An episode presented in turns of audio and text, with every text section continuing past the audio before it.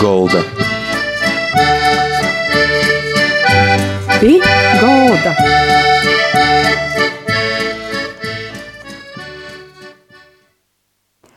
Labadīna visiem, skan raidījums pie galda, arī jūsim kopā.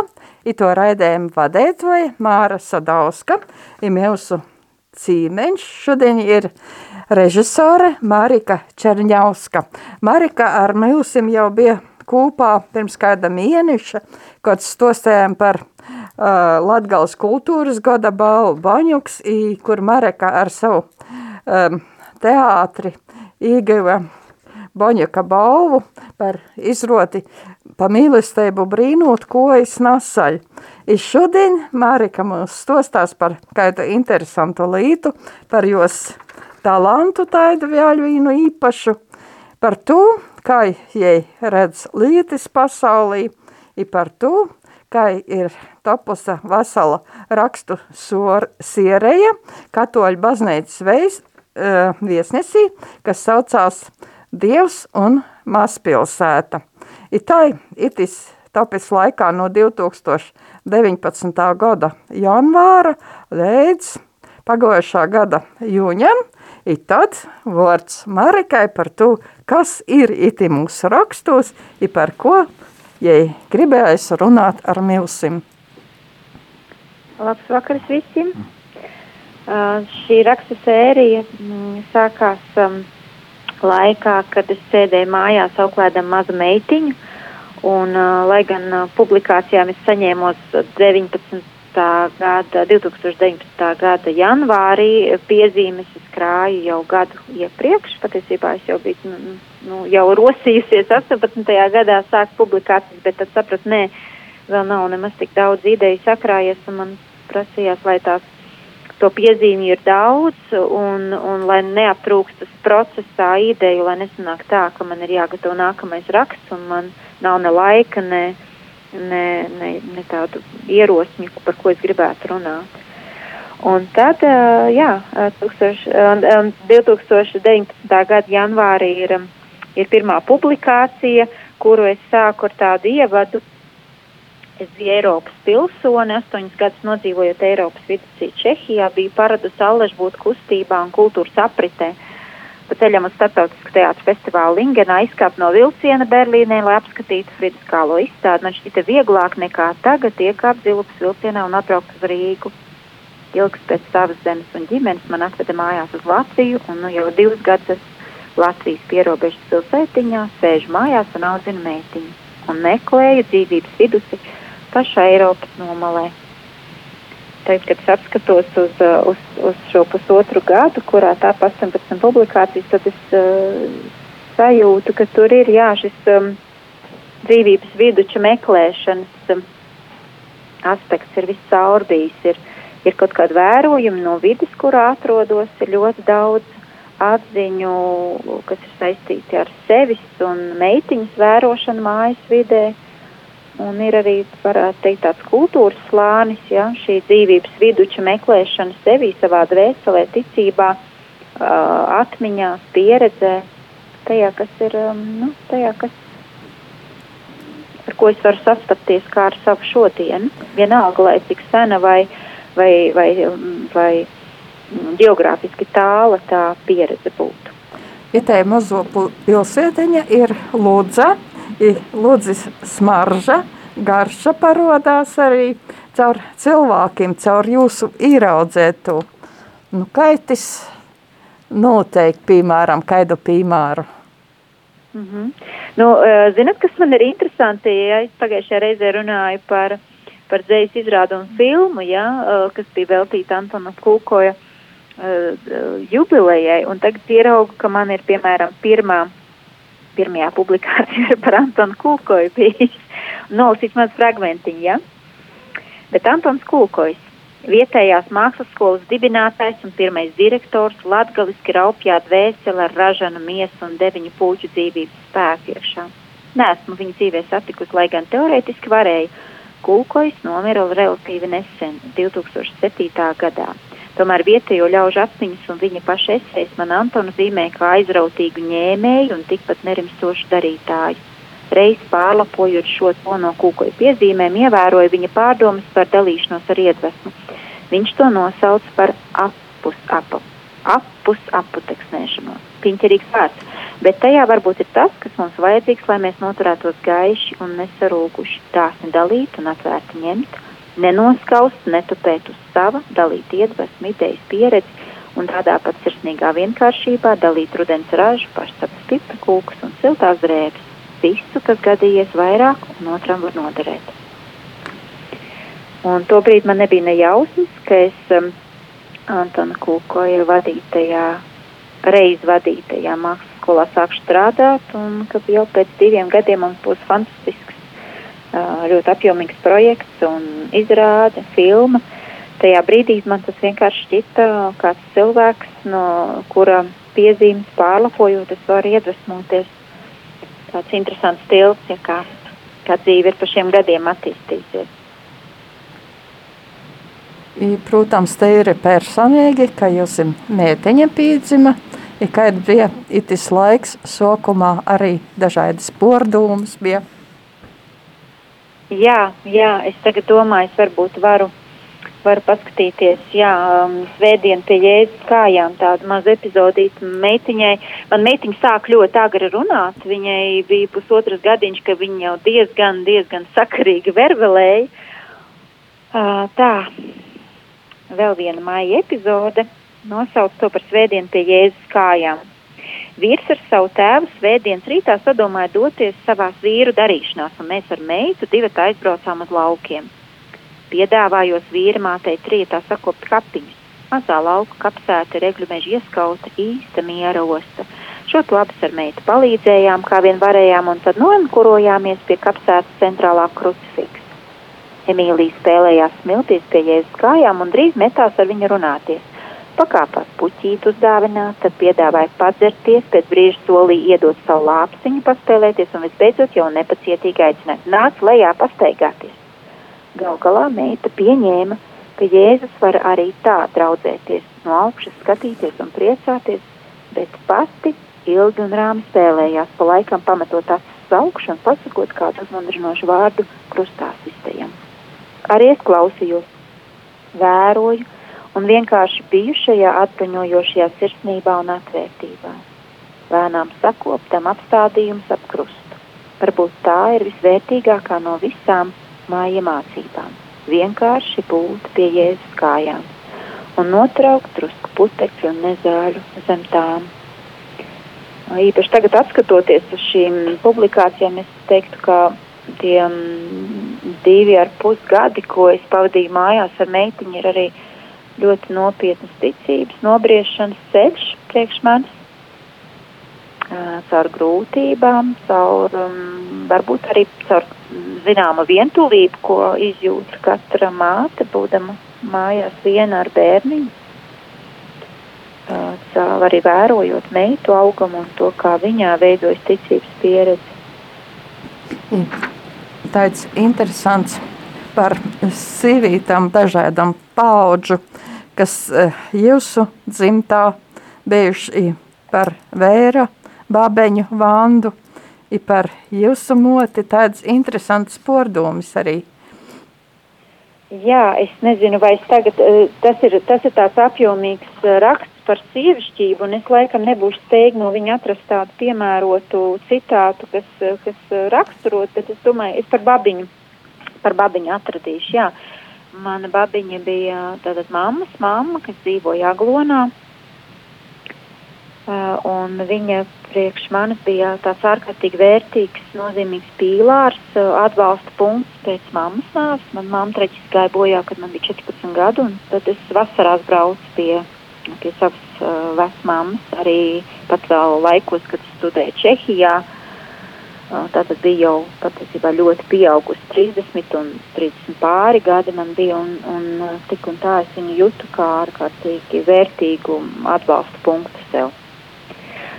Un tagad es nolasīšu mazu fragmentiņu par viņu. Arī laikos, kad šķita, ka zūd viss, viens pēc otra nomira babiņas mazdēls, meita un vīrs, babiņa palika. Kā tāds sirms un salītis visuma centrs. Un pateicoties viņai palika arī manas bērnības vasaru zeme. Vispirms pie viņas brauc no Rīgas studijām, tad no darba un vēlāk jau no vienām vai citām ārzemēm. Tikai pamazām, varbūt jau pēc viņas nomiršanas, aizdomājos, ka nevien izlaušanās drosme, bet arī palikšanas sīkstums ir vērtība. Tik daudz mēs ap viņu esam bijušies, turējušies kā aptiņi, ap mietu, ziedādam un priecādamies, cik augstu esam uzkāpuši un cik droši jūtamies. Un uh, es patiesībā to rakstos piefiksēju, ja, ka mm, es, ir lietas, ko es spēju apzināties, kur vērtības spēju apzināties tikai tad, kad es viņas pierakstu. Un varbūt tas ir arī dziļākais iemesls, kādēļ es vispār rakstu. Jo citādi man tāds teikt, ka nu, notiekošais man ierauj kā virpuls, ja viņš vienkārši notiek, es jūtu vai laimi vai nelaimi, prieku, bēdas vai dusmas, ja, un tad tas paiet. Bet, ja es apsēžos un pierakstu, tad, um, tad visa šī pieredze kļūst priekš manis par ārkārtīgi lielu vērtību. Un, un rakstot par babiņu, es domāju, tikai tajā brīdī, kad par viņu rakstīju, es pa īstam sapratu, ka jā, ne tikai tas, ka es varu saņemties un aizbraukt prom un dzīvot ārzemēs, ir vērtība, bet uh, palikt uz vietas. Būt, um, būt par atbalstu punktu, par nemainīgo pamatu priekš citiem, ka tā arī patiesībā ļoti liela vērtība. Tāda es tagad redzu acu priekšā tādu fragmentiņu, nu, tiek saudzina mazas bērnus, zināsit, krīžu netrūkst, vai ne, un Covid laikā, tad, kad mēnešiem nevar iet uz dārziņu nevar iet uz darbu, tad uh, tas ir ārkārtīgi izaicinošs laiks, un vienu fragmentu par to labprāt nolasīt. Citurīt mūsu mājā atkal iestājās krīze. Ārkārtas situācijas dēļ abas jau trešo mēnesi dzīvojam pa māju un nervi pa laikam uzdod mums abām. Arī šoreiz visa diena meitai pagāja niķos un stiķos. Dzēru kafiju vienu pēc otras, piecas stundas lasīja meitai grāmatas, jo viņa neko citu nebija ar mieru darīt, tikai piespiesties, sasekties un stundām klausīties vinīju, pūku, krokodilu genu un pat grāmatu par teātra attīstību. Todien izlasījām četras paprāvas grāmatas. Tikai pašā vakarā kaut kas, kaut kas noklikšķēja, un meita palaida mani vaļā. Nomazgājusies spēlējās gultā, rīkodam sev un vēlēja miegu, uh, midziņu ziemas miegam, sliedam ar kājām ledus kalnus un visādi citādi jauki un beidzot neatkarīgi darbodamās. Es turpat blakus lasīju Skota un Kimberlīs Hānu grāmatu atgriešanās Romā. Tiku līdz vietai, kur Skots iepazīst un sāk lūgties rožu kroni. Man arī kaut kur mājās tāds ir, bet nekad to neesmu paņēmis rokās, lai lūgtos. Arī tagad neņēmos pavilknēm grabināties to meklējot, bet Skota liecība mani pēkšņi uzrunāja tik spēcīgi, ka uzšķīrusi rožu kroņa noslēpums mēģināja tāpat soli pa solim domās taustīties šai lūkšanai cauri. Meita brīdi vēl kūņojās, tad cieši mani apskāva, sabučoja, uzsmaidīja acīs skatīdamās, nočukstēja, kas viņai mīļa, Pāris reizes pavirināja plakus uz garajām skropstām, noplivinoties kā tauriņu spārniem un aizmiga. Burtiski pāris minūšu laikā viņa manās rokās jau gulēja, kamēr es bez skaņas turpināju, es sveicinātu. Kopš šī vakara rožakroni pa laikam lūdzos, man tie ir 20 stāsti par to, kā dzīvot, baudīt vai izturēt ticībā, nest nastas, slavēt, audzināt bērnus, vienotībā izdzīvot grūtības un vienkārši paļāvībā gaidīt. Ar prātu izskaidrojamā līmenī rožakroņa noslēpumos var atspērties, pret tiem var atspiesties kā pret tuvu un ticībā spēcīga drauga iedrošinām, un vēl jau ir arī neizskaidrojamais. Mierinājums, gaisma vai prieks, kas gluži kā maigs marš piepilda lūdzēja istabu un domu.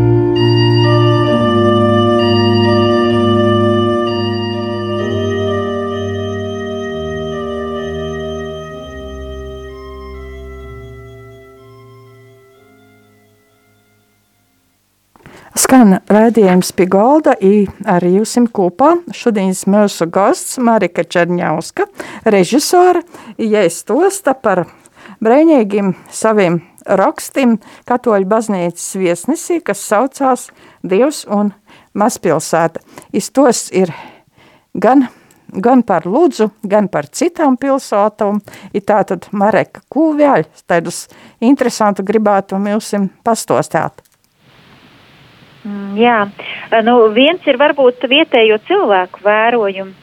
Es, uh, zinat, kā tapa nosaukums Dievs un mazpilsēta? Tas tapa kā, kā mana atbilde uz rubriku, kas Katoļu baznīcas vēstnesī bija pirms tam, un tā bija rubrika Dievs un lielpilsēta. Un šai rubrikai es ar ļoti interesi, lielu interesi sekoju līdzi, man likās tas tik jauki. Uh, cilvēks ir, te, te viņš ir Polijā, te viņš ir Anglijā, un viņam ir tik daudz ko teikt par savu ticības un, un tādu pašizpētes pieredzi, esot tādā lielpilsētu plūsmā, un es šo pats sajūtu un pieredzi labi pazīstu, tā ir bijis arī mana pagātnes pieredze, man likās, paga, paga, man ir ko teikt par Dievu un mazpilsētu, un, un par cilvēkiem, par, par dabas, um, dabas vērojumiem gada laiku ritumā, kā, nezinu, kā, kā apsarmo lapeglis, kā uzplaukst uh, pavasarī koki, uh, kā, kā daba, nu, kā, kā viļņojas uh, pieci lūdzu ezeri, kā atkal daba pamazām aizmieg un sastingst, un kā, kā es sevī šos, šos ciklus piedzīvoju, ja ir uh, kaut kāds auglīgs darbošanās laiks un, un posms, ko, kas, iekšēji, ko es izjūtu kā ļoti līdzīgi tādai ziemai un sastingšanai, bez augļu laikam. Un uh, arī cilvēki, un te, te varbūt vienu fragmentiņu pausīšu, ļoti tāds spēcīgs, um, spēcīgs sastapšanās ar kādu sievieti. Man šķiet, ka vērīguma pret putniem, pieminekļiem un bruģa krāsu man nu jau vairs netrūks. Es spēju apstāties un sajūsmā aizrauties, vērojot agrāk nepamanītus dzeltenus un zilzaļus, saulē zaigojošus punktiņus uz strazu muguras vai pētīt bizmārītes garo bīstamo ceļu pērnajā zālē. Ar cilvēkiem ir krietni grūtāk. Droši vien tieši tāpēc pirms laiciņa kādā lūkšanā sadzirdēju dievu aicinājumu meklēt dievu Kristu un Kristu cilvēkā redzēt pa īstam ieraudzīt cilvēku sev blakus, tas man nemaz nenāks viegli. Tomēr gadās brīnišķīgi pārsteigumi. Šobrīd savā mazpilsētā vada dzīves prieka darbnīca, tematiskas nodarbības sievietēm, ģimenēm un senioriem. Uz ģimeņa nodarbībām nereti atnāk viens vai vairāk bērni no kādas daudz bērnu ģimenes, bet viena sievietēm. Vienā sievietēm domātā nodarbībā, kas bija veltīta veselīgam uzturam, bija atnākusi viņu mamma. Pienācu klāt numuru stāvošai klusai vienkāršai sievietei, kura acīm redzami nevienu nepazina un laikam nejūtās diezko ērti. Divatā sākām rosīties, ap sulu spiedi gatavojot un dalībniekiem piedāvājot svaigspiestu burkānu sulu, aizrunājāmies un pamazām viņā sazīmēja māmiņu bērniem, kurus bija jau iepazinusi ģimeņu nodarbībās. Izrādījās, ka bērni viņai ir deviņi, vecumā no 4 līdz 18 gadiem. Pēc nedēļas agri gāju kādās steidzīgās projektu darīšanās un uz pavasarī skaņu pilnās zestrās ielas ieraudzīju maģisku skatu. Uz veca un necilamo pēda ar aizvēsturisku ķiverīti galvā piela man garām aizbrauca neliels vīrelis, aiz viņa cieši piekļāvusies sēdēja krietni ražanāka sieviete ar tādu pašu vecu ķiverīti, kas nespēja noslēpt viņas viļņainos nesavaldāmos matus, un sievietē rokās aiz diedziņiem raustījās milzum daudz gaisa balonu motora sarausītā pļurkstēšana pamazām apsisa mopēdiņam grīļīgi attālinoties pa tukšo rīta gaismas pielieto ielu, bet tirkīza krāsas baloni sievietes rokās pārgalvīgi plivinājās un bija redzami vēl tad, kad ne braucēju stāvus, ne pašu mopēdu vairs lāgā nevarēja saskatīt. Sievietē, ka tā jau sen bija prom, pēkšņi sazīmē nesen satikto deviņu bērnu māmiņu. Cik zinu, viņa ir bez darba Ikdiena rūpēs par tik lielu ģimeni droši vien nav ne viegla, ne sāda, un par iztikas groza pieticīgumu, kad viena alga jādala uz 11 cilvēkiem, es varu tikai fantasēt. Nodomāju, ko gan es šai sievietei varētu mācīt par dzīves prieku. Nu, tā, man liekas, ka tāda tuvāka iepazīšanās ar vietējiem cilvēkiem man bieži ir ir uh, bijis tāds um, pārsteigums, pazemības skola man pašai. Man kaut kāds augstskolu vidas vai kultūras, intensīvas kultūras vidas, lielpilsētu vidas, esmu šeit mazpilsētā. Mm -hmm. un, uh, nu, ir, ir daudz pārsteigumu un, un tādu atklāsmi gan pašai par sevi, gan vispār par vērtībām, par, par, par, par dzīves vērtībām, attiecību vērtībām. I par itu arī turpinās jūsu nokabiņu stosti, nu jau citā rubrikā. Jā, jā, um, jā, to es varētu pieminēt. Um, rubrika Dievs un mazpilsēta noslēdzās 2020. Uh, gada jūnijā, un tad uh, mēs ar, ar žurnāla redaktoru nospriedām, ka kaut kādā veidā mēs sadarbību varētu turpināt, jo es, uh, jo, nu, pa laikam sakrājas, ko teikt, un, un rakstīt man patīk. Un es uzsāku mazāk apjomīgu rubriku nospiedumi, kas ir nevis pilns atvērums, bet viena lapuse, gandrīz katru mēnesi, kad ir baznīcas vēstnesī, ir tāds kā uh, kultūras apraksts, kultūras apskats, ko nu jau es parakstu ar savu īsto vārdu un uzvārdu Marika Černielski, iepriekš es šo mazpilsētas rubriku rakstīju ar pseidonīmu Martī Raida, tas ir mans vecvecmāmas vārds. Un šeit, savukārt, jaunajā rubrikā nospiedumi es runāju vairāk par tādu kultūras pieredzi, vai nu ir kāds pasākums bijis, vai teātris izrāda koncerts, vai kāda izlasīta grāmata, un kā tas ir manī rezonējis, kādas pārdomas rosinājis. Un te es uh, cenšos runāt arī par to, kas šobrīd ir aktuāls, piemēram, par Covid pandēmiju, par kaut kādām tādām paralēlēm, kas būtu velkamas ar, nezinu, spāņu gripu vai, vai, vai pavisam tādiem vēl senākiem laikmetiem un mākslinieku reakcijām uz šī laikmeta aktualitātēm. Paldies, jo... Marika, par itu dalīšanos, paldies par interesantu stostēm. I, tagad aicinosim cilvēkus lasīt jūsu rakstus, varbūt ieteikt jūsim vēl kādas tēmas. I paldies par to daļēšanos. I ar mums šodien bija kopā Marika Čermauska, režisāre, arī cīši radošs cilvēks, kura daudz raksta katoļu baznīcas viesnesī. Tā kā iztiksi tikšanos jūsu rakstietojos rakstos. I raidījums pie galda visiem saka, da nokamos raizes ar dīvu.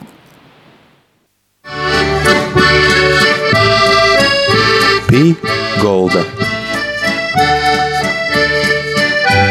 Pie gauda!